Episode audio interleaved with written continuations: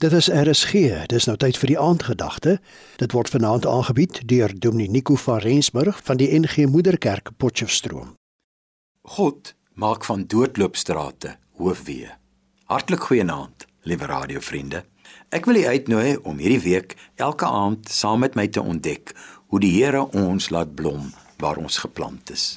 Die Jode wat in die ballingskap geneem is na Babel na die val van Jerusalem in 587 voor Christus, het gevoel of die einde vir hulle aangebreek het. In die bekende Psalm 137 sing hulle: By die riviere van Babel, daar het ons gesit en ons trane het gevloei as ons aan Sion dink. Aan die wilgerbome in daardie land het ons ons liere opgehang toe die wat ons weggevoer het ons gevra het om 'n lied te sing oor Sion. Die mat van sekerheid was onder hulle voete uitgeruk. Die drie fondamente van hulle bestaan as volk was weg. Die tempel is afgebreek, Jerusalem se mure is plat en hulle was sonder 'n koning. Nou, sulke tye breek vir baie samelewings aan. Tye wanneer jou onsekerheid jou optrede bepaal.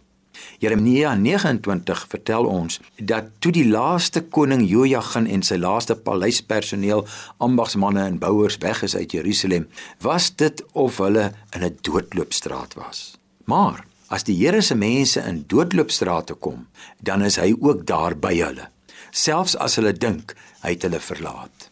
Die profeet Jeremia skryf in 'n brief om hulle aan te moedig. Namens die Here, die Almagtige, die God van Israel skryf hy: Ja, die doel van die brief is om hulle nuut na die omstandighede en hulle reaksie te laat kyk.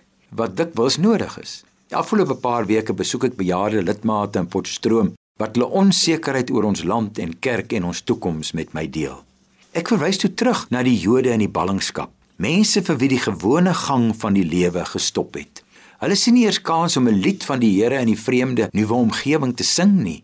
Hulle het geen vrolikheid nie. Hulle tonge kleef aan hulle verhemelte vas. Hulle word stom van skok. Maar dan, dan skryf die Here 'n brief wat hulle oproep om tog te blom waar hulle nou geplant is. En hieroor praat die Here ook by die aandoordenkinge hierdie week. Hy moedig ons aan om in die omstandighede waarin ons is te blom waar ons geplant is. Kom ons bid daarvoor.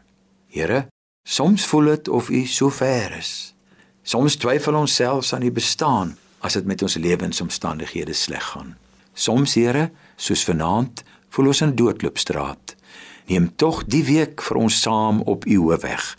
Laat ons weer blom waar ons geplant is. Amen. Dit was dan die aandgedagte hier op RSG onder leiding van Dominee Nico van Rensburg van die NG Moederkerk Potchefstroom.